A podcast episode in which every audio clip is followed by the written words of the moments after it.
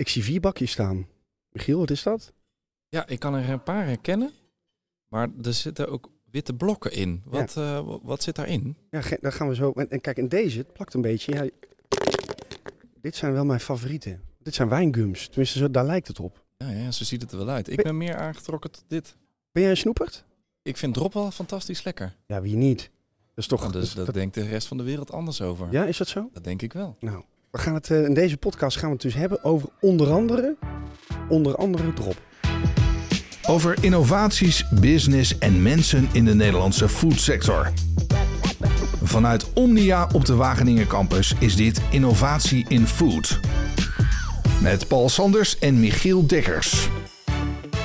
Welkom bij Innovatie in Food, een podcast waarin we praten over mooie, spectaculaire of bijzondere innovaties in de foodsector. En het is alweer het tweede seizoen. En eh, dit seizoen zit ik niet alleen aan tafel, gelukkig.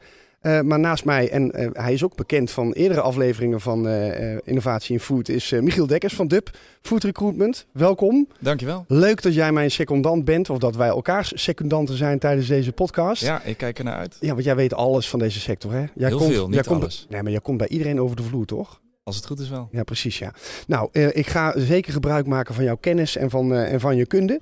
Ehm, we zijn elke aflevering eh, ook te gast op locatie. En dat maakt het dan ook wel weer heel leuk. Want we zijn hier in het hart van de voedselinnovatie... in het gloednieuwe dialoogcentrum van de Universiteit Wageningen... in Omnia, een betere plek om te praten over foodtech bestaat eigenlijk niet. Ehm, wil je meer weten over deze podcast of wil je een paar afleveringen terugluisteren? Ga dan vooral naar innovatieinfood.nl of ga naar je favoriete podcastplatform. Ehm, en nu gaan we het hebben over, nou misschien wel een van mijn favoriete dingen.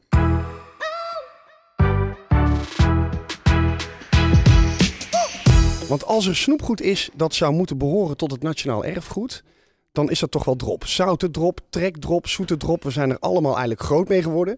En elke Nederlander die in het buitenland woont, die vraagt altijd als hij bezoek krijgt, neem een pak drop mee. Want drop en stroopwafels, dat zijn denk ik de twee belangrijkste geëxporteerde producten als het gaat om snoepgoed. En het bedrijf van onze volgende twee gasten legt eigenlijk de basis, letterlijk, voor het meest geliefde snoepgoed van Nederland. Maar dat niet alleen, want Ruitenberg Basics doet nog veel en veel en veel meer. Aan de tafel, Ja Bos, welkom, General Manager van Ruitenberg Basics. En Sander Runia, Product Developer bij... eh, bij jij, bent, jij, bent, jij, bent, jij zit taart in de keuken, hè? Klopt, ik Ja, sta in de keuken. Precies. We gaan het zo meteen precies hebben over wat jullie, eh, wat jullie doen en uiteraard over jullie hele mooie producten. Maar laten we even beginnen met het bedrijf in één minuut, zoals ik dat graag, eh, graag noem. Ik kijk jou eventjes aan, Jaap, als general manager. Ja, ik merk het. Ruitenberg Basics. Leg eens in, in een minuut uit wat voor bedrijf dat is. Nou, ik ga mijn best doen om dat in een minuut te doen. Ehm, eh, ten eerste, wij bestaan nu eh tien jaar exact dit jaar. Eh we zijn in 2013 eh, eigenlijk ontstaan vanuit ons eh zusterbedrijf. Waarbij ze verschillende afdelingen hadden. eh savory, eh, meer bakkerij en zoetwaren. De zoetwarentak is toen uitgeteeld. Dat is Ruitenberg Basics geworden. Ehm, dus ja, wat ik net al zei, wij specialiseren ons echt in, eh, in zoetwaren. En binnen de zoetwaren hebben wij een, een verleden van meer dan eh, 65 jaar op het gebied van drop. Dus dat betekent dat wij eh zoethout, de extracten importeren vanuit de verre vreemde landen waar je normaal gesproken niet op vakantie wil. Die halen wij naar ons eh, bedrijf toe en die eh, zetten wij om in uh, telemate eh, producten voor, voor onze klanten. Die zich voornamelijk bevinden in de Benelux en in Scandinavië. Ja. En hoeveel mensen werken hebben jullie? Bij ons, bij Ruitenberg Basics, werken 14 mensen. Ja, en wa- en waar is het? Waar, zit het, waar is het Eh, gevestigd? het bedrijf zit in, eh, zit in Twello en daar hebben we ook een productielocatie. En we hebben nog een productielocatie in Ruinewold. Oké. Eh, general manager, dat spreekt op zich voor zich. Hè? Wat, wat je doet. Sander, wat doe jij bij Ruitenberg? Eh, ik hou me op dagelijks niveau bezig met de, de projecten. Echt de technologische projecten die onze verkopers mee naar huis nemen. eh, die bij de klanten geweest zijn. Om te werken aan onze innovatieve oplossingen. En daar hebben we een prachtig technisch centrum voor. En dat technisch centrum dat, eh, dat eh, bemannen we met vier mensen. En daar zijn we constant bezig om, eh, om unieke eh, ontwikkelingen te doen voor onze klanten. Ja, le- leuk bedrijf om voor te werken. Ja, de, de, de general manager zit naast je, maar dus kan moeilijk anders, maar toch? Ja, dat is fantastisch natuurlijk. Ik heb eh, een, een aantal jaren gewerkt voor een, een zoetwarenproducent. Ehm, maar als je een stapje terug gaat in een keten en je kunt je bemoeien met de, de, de, de technische achtergrond van ingrediënten en nieuwe oplossingen verzinnen voor de industrie. Ja, dan is dat eigenlijk het allerleukste wat er is, omdat het zo verschrikkelijk breed en gevarieerd is. Ehm, Jaap, Ruitenberg klinkt heel traditioneel. klinkt heel eh, basic. Nou, jullie, dat zit ook echt letterlijk in de naam van jullie bedrijf. Ja. Ehm, maar het is eigenlijk een, het is een heel groot bedrijf. Hè? Jullie zitten een, overal, eh, hè? Ja, het is een groot bedrijf. Als je naar de hele Ruitenberg groep, dat is, klinkt een beetje overdreven, dat is het misschien ook wel, maar om even eh, te schetsen hoe het eruit ziet. We zijn een familiebedrijf, bestaan 85 jaar. Ons zusterbedrijf Ruitenberg Ingredients, ehm, eh, wat ik net al aangaf, zit meer in het... ehm, in de uh, Savory-achterhoek en, en bakkerijhoek. Ja, maar we zitten eigenlijk over de hele wereld. Jullie zijn dus- een wereldspeler. Wij, ja, nou... Maar dit is- toont, dit toont een beetje de bescheidenheid Ja, misschien wel aan van ja, jullie ja, bedrijf. Dat je zegt, ja, dat durf ik niet hardop te zeggen, maar het is wel zo. Nee, ja, dat- ja oké, ik ben het met je eens. Klopt. Ja, toch? Ja, zeker. Want, jullie, worden, want in, jullie zitten in producten eh, eh, over de hele wereld. Overal zitten jullie product in. Wij, wij kunnen in principe in alle producten die eh, over de hele wereld verkocht worden, zouden we in kunnen zitten. Ja, dus- dat is correct. Dus Sander, bescheidenheid hoeft niet per se. Nee, nee, ik denk het niet. Nee, je bent, ehm, gisteren ook loop ik eh, in onze productielocatie in Ruinewold en dan zie je weer een, ehm, een hele pallet zwarte kleurstof eh, ehm, richting Afrika gaan. Die ergens in een product te gaan waar je misschien niet eens het bestaan van weet. Dus eh, uiteindelijk kun je wel zeggen dat je ja, heel erg breed terug te vinden bent. Ja, zeker. En wat maakt nou dat jullie organisatie uniek is en zo succesvol is? Eh, nou, ik denk dat ik dat eh, eh, beter kan beantwoorden, omdat anders de bescheidenheid van Sander een rol gaat spelen. Ik denk dat het voornamelijk komt door de technische mensen die we hebben. Als je naar de hele organisatie kijkt, dus inclusief ons zusterbedrijf Ruitenberg Ingredients, is een heel groot aandeel daarvan is werkzaam op R&D. Eh, en ik denk dat we daar vooral het verschil kunnen maken. En zeker ook omdat we van voor de verschillende productcategorieën eh, techniek- technische centers hebben. Dus daar kunnen we eigenlijk eh, alles doen wat, eh, wat de industrie in het groot kan. En daar kunnen we ook klanten uitnodigen. Daar kunnen we aan nieuwe concepten werken. En ik denk dat dat echt uniek is in, ehm, eh, ja, in het veld waarin wij eh, actief zijn. Als we het even gaan hebben over het product. Ehm zoet hout. Drie keer woordwaarde, is een lang woord. Waar is dat ooit begonnen? Dat, hoe is dat idee ooit ontstaan? Nou, ik, het is wel bijzonder omdat eh zoethoutwortel-extract, zoals het, lange woord al zegt, het begint natuurlijk bij de zoethoutwortel. Ja. Die we allemaal waarschijnlijk nog wel kennen toen we jong waren. En dat je dat bij de drogist kon, eh, kon kopen Ja. en daar eh, lekker op kon, kon sabbelen. Wat overigens heel normaal is in Nederland, maar wat je in Scandinavië eigenlijk helemaal niet, niet kent. Dus heel veel bedrijven die ons zoethoutwortel-extract in, in Scandinavië kopen, hebben eigenlijk geen idee dat het de oorsprong bij de zoethoutwortel begint. Nou, de zoethoutwortel ehm, die groeide in het verleden ook in, ehm, in eh, Zuid-Europa, nog steeds eh, in Italië. Maar eh, op dat moment, dus laten we zeggen 40 jaar geleden, groeide die ook in, eh, in Frankrijk. En daar hadden wij een extractiefabriek. En op die manier eh, zijn wij ooit in een ver verleden daarmee in aanraking gekomen. Ja, San- Sander, wat, wat, wat, wat kun je ermee? Wat kun je met, met die extract? Ehm, je kunt heel veel met het extract. Het begint natuurlijk bij de zoethoutwortel. een- Wat een heel uniek worteltje is, omdat er stoffen in zitten die nergens anders in voorkomen. En dan praat ik over hele eh, bijzondere ehm, polyfenolen. ehm, die, die hele sterke antimicrobiële en, en antivirale werking hebben. En we praten ook over stoffen die in zoethout zitten, die, eh, die als nat- natuurlijke zoetstof kunnen worden gezien. En daarnaast is het gewoon een ontzettend eh, complex eh, geheel van smaakstoffen en, ehm, ja, en, en andere componenten die, die die drop zo uniek maken. En ja, je kunt er inderdaad heel lang over nadenken eh, hoe het zo ontstaan is dat wij dat in Nederland en Scandinavië als, eh, als snoepje wilden zien. Ja. En dat heeft ook een, een heel geschied, hele geschiedenis natuurlijk. Eh, maar ja, je kunt er van alles mee. Zelfs ehm, als ik je vertel dat er in heel veel marinades, bijvoorbeeld voor vlees, dat daar ook eh dropextract in verwerkt is. Om de zoete, volle ondertoon te krijgen van de smaak. Ja, dan, dan sta je daar denk ik wel even van te kijken. Ja, wat, wat, wat, wat je zegt dus, hè, marinades, eh, de drop, dat is, dat is logisch. Wat, wat zijn nog meer toepassingen van, van dat extract? Want je, je noemde net al eventjes dat het ook een virale werking heeft. Dus het, is, dus het heeft een smaakcomponent, maar ook een, een eh, een medicinale component. Ja, medicinaal, eh, maar ook cosmetisch. Dus medicinaal, er worden eigenlijk derivaten uit de zoethout, uit dat dropextract, worden er derivaten gewonnen. En die vinden hun toepassing in de farmaceutische en de cosmetische industrie. Op een heel breed vlak. Ehm, dat gaat vooral terug naar eh, Azië, waar het al heel lang in tra- traditionele medicijnen en ook in cosmetica wordt toegepast. Ik noem maar even een voorbeeld. Er zit een stof in die bijvoorbeeld de huid heel ble- bleek kan maken. Nou, dat is een, al heel lang een, hele grote trend in Japan. Ja, schoonheidsideaal is dat, hè? En, ehm, daar, Ah, de daar- delen van Afrika ook overigens, hè, waar, waar men graag, dat heeft dan weer een andere sociale reden, maar graag een blankere huid wil hebben. Ja. Exact, dus dat is een voorbeeld. En ehm, de zoete stof, de, het glycerine, wat eigenlijk in de zoethout zit, ehm, dat is ehm, weer als derivaat, hè, als pure stof, is dat, eh, toegepast, wordt dat toegepast in, eh, in, ehm, in flavors, in aroma's. Maar ook in medicijnen, om Ja. de, bijvoorbeeld de bittere smaak te maskeren. Dus het is heel, eh, heel breed eh, inzetbaar uiteindelijk. Oh, dat is interessant. Want ja, medicijnen zijn van, uit- van, van- van- bij uitstek natuurlijk niet lekker. Eh, maar om dat een beetje te camoufleren, wordt dus ook de, jullie extract gebruikt. Exact. Ja, in ieder geval de, de pure zoete stof, dat Ja. glycerine, wordt daar eigenlijk eh, voor gebruikt. Ja. Ja, ja, precies. En hoe werkt dat proces? Is, hoe, hoe gaat het... Ja, ik, ik gebruik misschien even Mhm. een domme term, maar het oogsten van, van dat extract uit dat stukje hout. Ja, nou je begint eh, natuurlijk met de zoethoutplant die in onherbergzame gebieden groeit. In de, op grote hoogte bij de extreme klimaten, bijvoorbeeld in Iran en Oezbekistan. En ehm, daar groeit die, eh, die plant. En eigenlijk wordt die wortel eens per drie jaar geoogst. Ehm, gewoon met redelijk traditionele middelen. En die wortel die wordt eigenlijk vervolgens in de nabijgelegen fabrieken, extractiefabrieken, wordt die wortel eigenlijk eh gecrushed.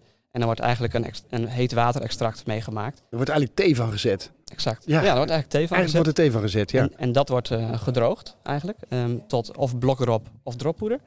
En dat is eigenlijk de handelsvorm waar- waarbij het, wij het eigenlijk inkopen uit die landen en verder opwaarderen tot hele mooie ja, halffabrikaten voor de industrie eigenlijk. Ja. Dus eh, eigenlijk is het, het proces zelf niet heel ingewikkeld. Het is alleen de locatie en de cultuur en de toegankelijkheid van die landen, natuurlijk politieke situatie, die het natuurlijk vaak eh, ingewikkeld maakt. Om, Ja. eh, om daar goed te werken. En, ehm, dat, maar dat doen we dus eigenlijk al heel lang. Ja. Ja. Want ja, wat zijn daar de uitdagingen bij eh, als het gaat om eh, rekening houden met culturen en dergelijke? Ehm, nou, kijk, wat natuurlijk, ehm, en daar komen we misschien zo meteen nog op, wat natuurlijk een grote trend is in de, in de, in de voedselindustrie, is eh, transparantie. En ehm, ja, wij doen zaken met, met landen die best lastig toegankelijk zijn. Wat voor landen zijn dat? Nou, dan kan je denken aan Iran, Oezbekistan, Georgië, China. Dus ja, dat is, dat, daar hebben ze toch wat andere normen en waarden zoals wij die hier in West-Europa eh, kennen. Dus dat is wel lastig om daar op een goede manier tussendoor te laveren. Dat je wel zeker weet dat je met de juiste partijen in zee gaat.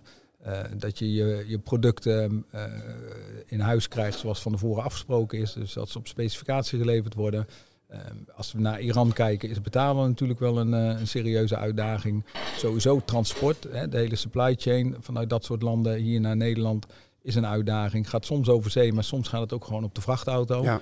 Nou ja, de, een vrachtauto vanuit Iran, eh, dat, duurt toch, dat duurt toch wel een week of drie voordat die in, eh, in, eh, in Nederland is. Dus plantechnisch is dat allemaal best lastig. Nou, dan hebben we weer het voordeel dat we een familiebedrijf zijn en dat we daardoor ook ons geld kunnen investeren in voorraden. En dat is eigenlijk ook wel een van de toegevoegde waarden die wij aan onze klanten kunnen leveren. Wij zorgen voor dat hele logistieke proces. Wij hebben minimaal eh, een half jaar op voorraad staan. Dus in die zin kunnen wij klanten ook altijd vrij snel met een gedegen, goede kwaliteit beleveren. Hoe werkt dat met jullie innovaties? Want ik ben wel benieuwd. Hè? Op een gegeven moment heb ik het idee, dan ben je uitontwikkeld. Maar jullie blijven wel ontwikkelen. Hoe werkt dat? Hoe komen jullie aan jullie vragen, aan jullie opdrachten? Ehm, innovatie betekent voor ons echt waarde toevoegen aan ingrediënten. En ehm, voor drop is dat ehm, ehm, best, best complex, want je moet heel goed weten hoe het eh, bij de klanten, bij de, bij de zoetwarenbedrijven, bij de snoepfabrieken, hoe het daar eigenlijk eh, in het werk gaat. Gelukkig hebben wij die achtergrondkennis. We weten hoe we waarde moeten toevoegen aan die ingrediënten. En dat doen we dan dus ook in onze fabrieken. Er ligt daar een, een, droppoeder voor je. En die is stofvrij gemaakt. Nou, dat is eigenlijk ehm, voor ons een redelijk eh, eenvoudige handeling. Maar daarmee voorkom je heel veel stof in de fabriek. Dus je, je, je maakt het echt heel erg ehm, eh, fijn te verwerken. Maar stofvrij bedoelt dus dat er bij het eh, productieproces geen stof meer komt. Precies, precies. We, Oh. we, we benatten dat poeder op een bepaalde manier, waardoor het ook gewoon stofvrij Ja. is. En anders heb je gewoon je hele productieruimte onder een irriterende eh, stof, zeg maar, voor Ja. je luchtwegen. Even voor, even voor de luisteraars, het lijkt een beetje op, het doet me een beetje denken aan kurkuma. Hè? Beetje, beetje een soort, Ja. soort ja, licht beige poeder. Zeg maar, dat is, dit is droppoeder. Ja, dat is Ja, droppoeder. Ja. precies. Ja. En da- daarnaast ligt een zakje met blokdrop. En eh, een van de andere belangrijke eh, Oh eh, producten die wij maken is de pasta uit deze ke- ke- keiharde blokdrop. Ja, ik zeg, het- ik zeg het even heel eh, eh, met, eh, eh, het is respectvol, het lijkt een beetje op asfalt. Het lijkt precies op asfalt, ja. ja het is eh, keihard. maar het is Dus ja, erop. Ja, precies. Ja, ja. En, en Hoe komt er zo'n kleurverschil in? Want dit is echt gitzwart. Ja, nou, en dat is geel. Het heeft twee oorzaken. Ehm droppoeder is altijd wat luchtig. De deeltjes zijn wat poreuzer, dus dan lijkt het altijd lichter van kleur. Maar een ander eh, verschil is dat het, eh, de blokdrop eigenlijk gemaakt is onder extreme hitte. En dat duurt wel 5, 6 uur lang. Dus er komt heel veel bruinkleuring nog tijdens het proces. Waardoor die smaak en kleur dus eigenlijk een stuk donkerder wordt. Ja. Dus ja, innovatie betekent voor ons dat we van die blokdrop dus hele mooie ehm, pasta's maken. Die de klant zo in hun proces kan aansluiten. En daar op een hele makkelijke manier hun dropjes mee kan, eh, kan maken.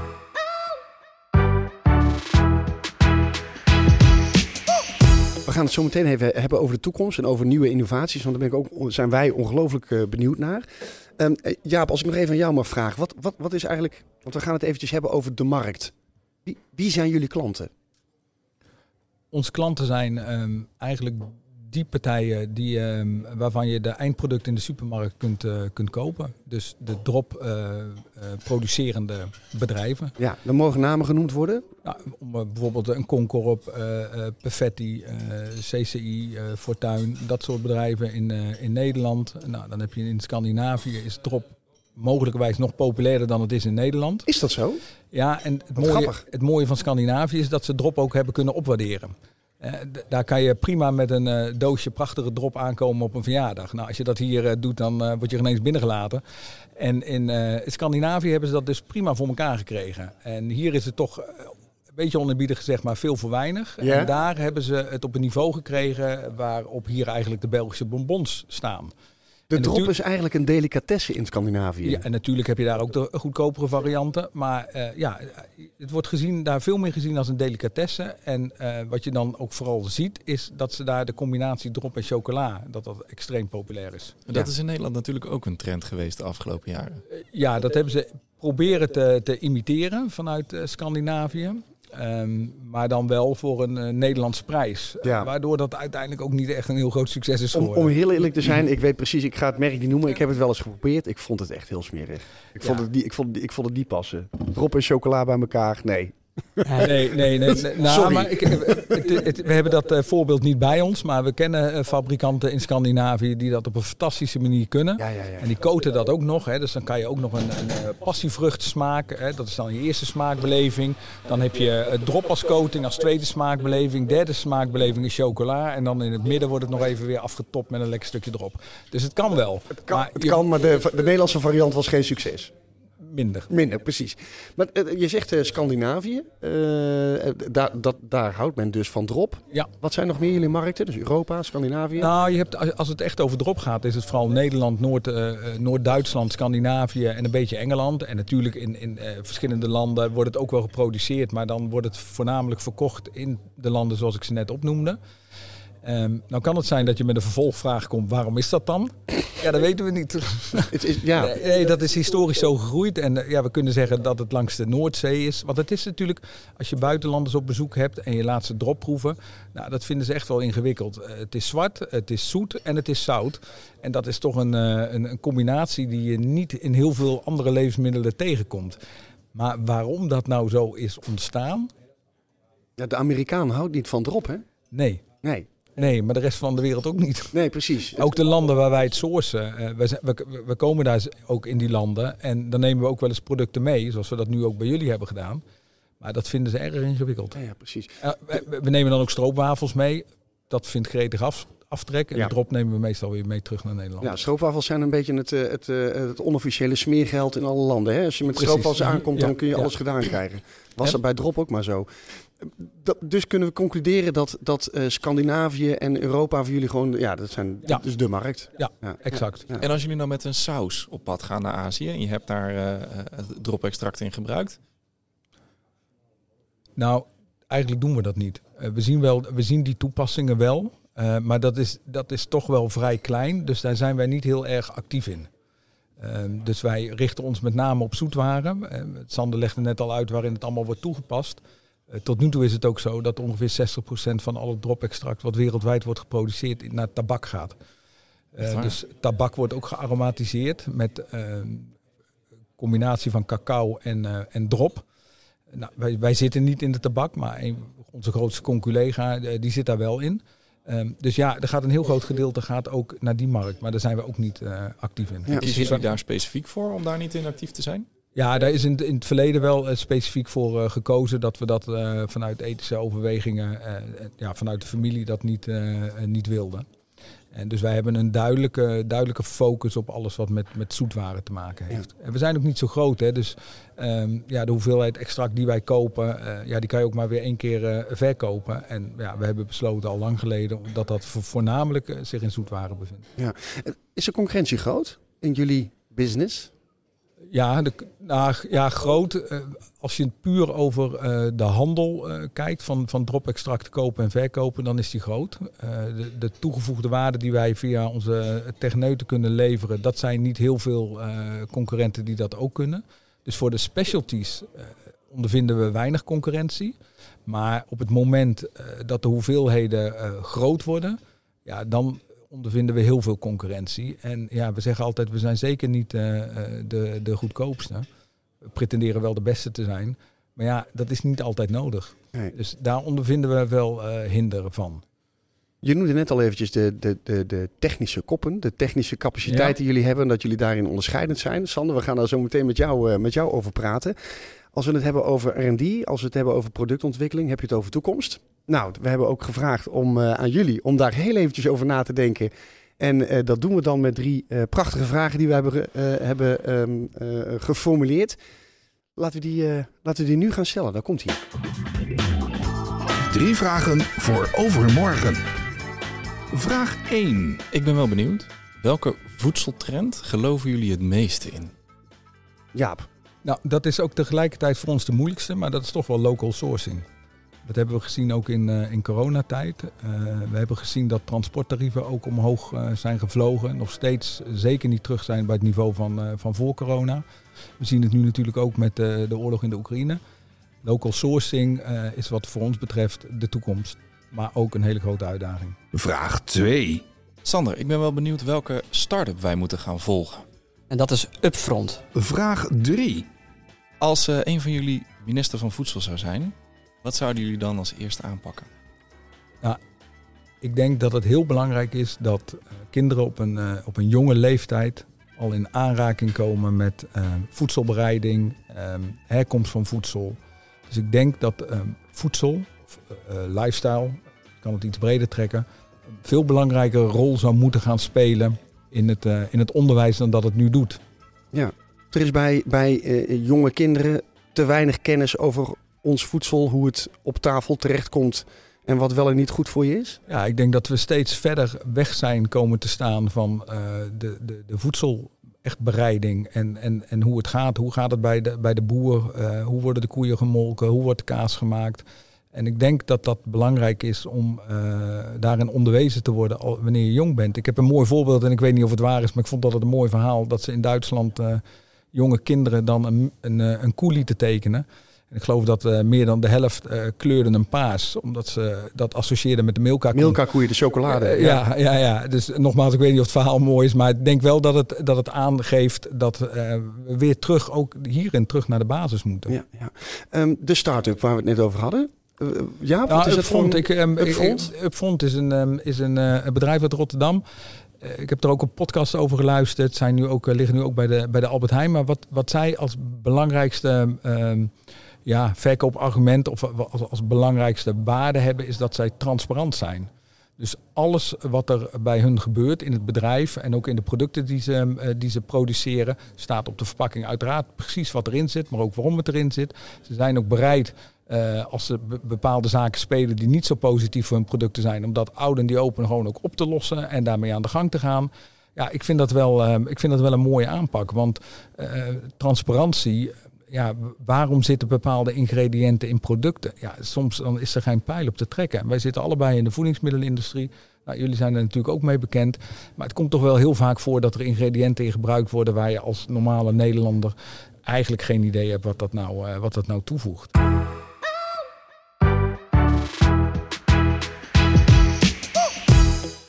Wat is de toekomst jullie? Waar willen jullie over vijf, tien jaar staan? Uh, nou, het is zo dat um, drop is voor ons een hele belangrijke pijler. Maar we realiseren ons wel dat um, er een paar issues zijn met drop. En de markt groeit niet, al jaren niet. Uh, je zit in zoetwaren. Um, nou ja, zoetwaren, als het over gezondheid gaat, is dat toch een, een lastig onderwerp. Dus, eh, en, en voor een bedrijf is alleen een, een droppoot ja, te wankel om, ehm, om naar de toekomst toe eh, verder te groeien. Dus wij zijn ons breder gaan oriënteren op de zoetwarenmarkt. Eh, we, we hebben ook nog wat andere producten meegenomen. ja, want er staan nu twee, twee, twee bakjes. En dan, en dan ga, kom ik zo bij Sander, want jij weet precies wat hier allemaal in zit. Ehm, want eh, la- laten we even bij dit beginnen. Dit, dit lijkt, ik, toen ik het eerst zag, toen dacht ik, oh, dat zijn kaasblokjes. Zo ziet het eruit. Klopt. Maar wat is het, Sander? Het is eigenlijk een eh, blanco fudge. Fudge. Ja, een lekker ordinair product. Er zijn weinig producten waar je zoveel calorieën in kwijt kan als, eh, als fudge. Maar, eh, Heerlijk, ja. Het ziet er wat steviger uit Ja. dan normaal. Ik maak Nou, het het bakje is- even open, hoor. Het is eh, ontzettend vers, vanochtend eh, gemaakt. Mag, Dus, ik het, mag ik de zegel eh, verbreken? Ja, absoluut, want- absoluut. Oké. Nou, Fudge ligt ver weg van drop. Ja. Waarom zijn jullie met Fudge begonnen? Wat doen jullie daarin? We zijn met Fudge begonnen omdat wat Jaap net vertelde, Oeh. dat we ons op een veel eh, breder eigenlijk terrein willen ehm, focussen. En een van die... Dat Ja. ruikt lekker. Ja, ruikt heerlijk. lekker, ja. ja, zeker, zeker, zeker. ehm, Mag, mag je het eten ja, trouwens? zeker, ja, ja. Laat ik me geen twee keer Het is, zeggen. eh, het is erg lekker. Ehm, de reden waarom wij eh, de Fudge hier hebben neergezet, omdat het heel mooi laat zien met wat voor innovatieve eh, projecten we bezig zijn. In dit geval wil de producent van de Fudge wil graag een bakstabiel eh een Fudge blokje ontwikkelen. Omdat deze eh, anders niet stabiel is in andere toepassingen dan eh, gewoon Fudge al, al aan zich. Want als je iets gaat bakken met een fudge erin, dan Precies, smelt het. Dan smelt het weg. Dan blijft er niks over. Dan blijft er niks over. Ja.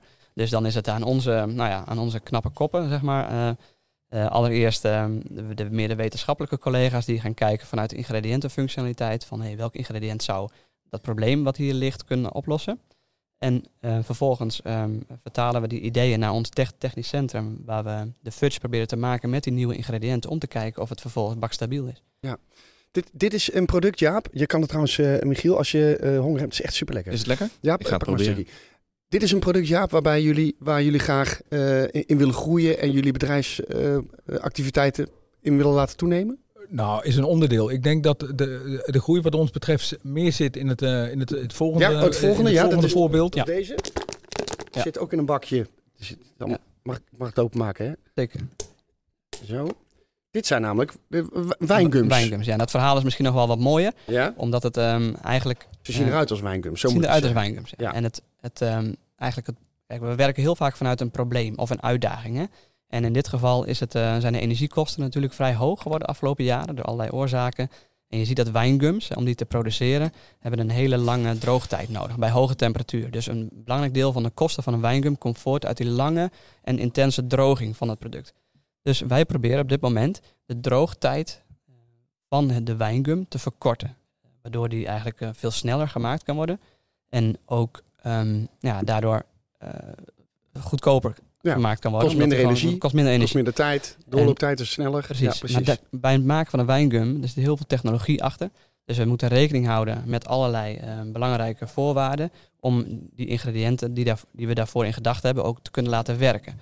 Dus dat is eh, voor ons nu de uitdaging om ja. de industrie straks, alle klanten, alle bedrijven die eh, wijngums maken, een nieuw idee te laten zien van hey, als je onze blend gebruikt met deze ingrediënten, dan pas je die makkelijk toe in je proces en dan kun je je wijngumproces eigenlijk heel makkelijk verkorten. ja, dit is inderdaad wat jij zegt, Jaap. Dit is waar, waar jullie je in onderscheiden, hè? Die, die, die know-how. Ja, en het, mo- het mooie van dit soort projecten is dat dat wordt uitgevoerd eh, met klanten eh, die eigenlijk al jaren bij ons drop kopen. Heel veel van, de, van onze klanten produceren niet alleen drop, maar produceren ook andere zoetwaren. Dus om je daar verder in te ontwikkelen en te specialiseren, is het wel heel waardevol dat je ook al heel veel contacten hebt in die industrie. Zie je in de toekomst gebeuren dat, eh, dat jullie misschien overstappen, nou misschien niet helemaal overstappen, maar je meer gaan focussen op bijvoorbeeld wijngums in plaats van drop? Want Nou. die wijngummarkt is natuurlijk veel groter. Die, die is zeker veel groter. Hè. Er zijn ook nog andere categorieën waar we ons eh, langzamerhand eh, verder in gaan verdiepen. zoals bakkerij en, ehm, en ijs. Dus er gebeurt van alles. Drop zal altijd een belangrijk, ehm, belangrijke rol blijven spelen. Simpelweg omdat we dat ook al heel lang doen. En eh, ja, we hebben gewoon heel veel trouwe klanten. Dus die blijven we zeker ook eh, beleveren. Maar ik hoop wel dat in de toekomst het eh, percentage van de omzet wat, eh, wat, wat nu bij de drop zit, dat we dat wel eh, gaan verminderen. Dus in, in kilograms graag vermeerderen, maar in totaal percentage zou ik dat graag terug willen brengen, zodat we andere producten, hè, zoals jullie die net eh, ook eh, al besproken hebben, dat we daar eh, verder in gaan, eh, gaan groeien. Ja, want, want die Amerikanen aan de drop krijgen, dat eh, gaat niet meer lukken, toch? Nou, het is een hele fantastische uitdaging, maar ik denk niet dat dat, eh, dat, dat eh, mogelijk is. Nee, nee, nee. Heel nee. cultuurgebonden. Dat, eh daar ga je niet zomaar verandering in brengen. Goed zo. Ik wil jullie bedanken voor deze, voor deze podcast, voor de aanwezigheid eh, eh, hier in, eh, in Wageningen. super fijn dat jullie eh, ons even wilden bijpraten over wat er allemaal binnen jullie bedrijf gebeurt. En wij wensen jullie natuurlijk hartstikke veel succes in de komende tijd, periode, decennia. Dankjewel. Dank jullie wel. Heel graag gedaan. Vond je deze aflevering interessant? Abonneer je dan. Heb je ideeën of zie je ontwikkelingen? Mail ons dan. Je kunt ons bereiken via de linkjes in de beschrijving van deze podcast. Innovatie in Food is een concept van F111 Communicatie en Marketing en wordt geproduceerd in samenwerking met Dub Food Recruitment. Wat vind jij nou het lekkerst? Die wijnkums of die... Of die, eh, die eh, oh, we hebben de drop nog helemaal niet We geprobeerd. hebben de drop nog niet geprobeerd. Zullen we die maar- nog even snel doen? Ja, ja, ja. Ik ben Praat wel door. traditioneel wat dat betreft. Ik hou gewoon van mijn dropjes. Ik ben ook best wel specifiek in de dropjes die ik eet. Welke dropjes dan? Ja, ik vind het lekker om echt naar een snoepwinkeltje te gaan. Oh, en ja? eh, daar, ja, daar kies ik dan mijn, eh, mijn dropjes uit. Zal ik je iets heel gek vertellen over mijn zoethoutwortelervaring? Toen ik dus heel klein was, toen dacht ik dus dat, dat alles zoethout was. Dus ik trok dan gewoon een wortel uit de tuin. En ik dacht dat dat zoethout was. En ik begreep niet, ik begreep niet waarom mijn, mijn oudere broers het zo lekker vonden. Ja, dat snap ik wel. Dus voedseleducatie zou voor jou ook wel toevoegen. Verklaart een hoop. Ja, ja, ja.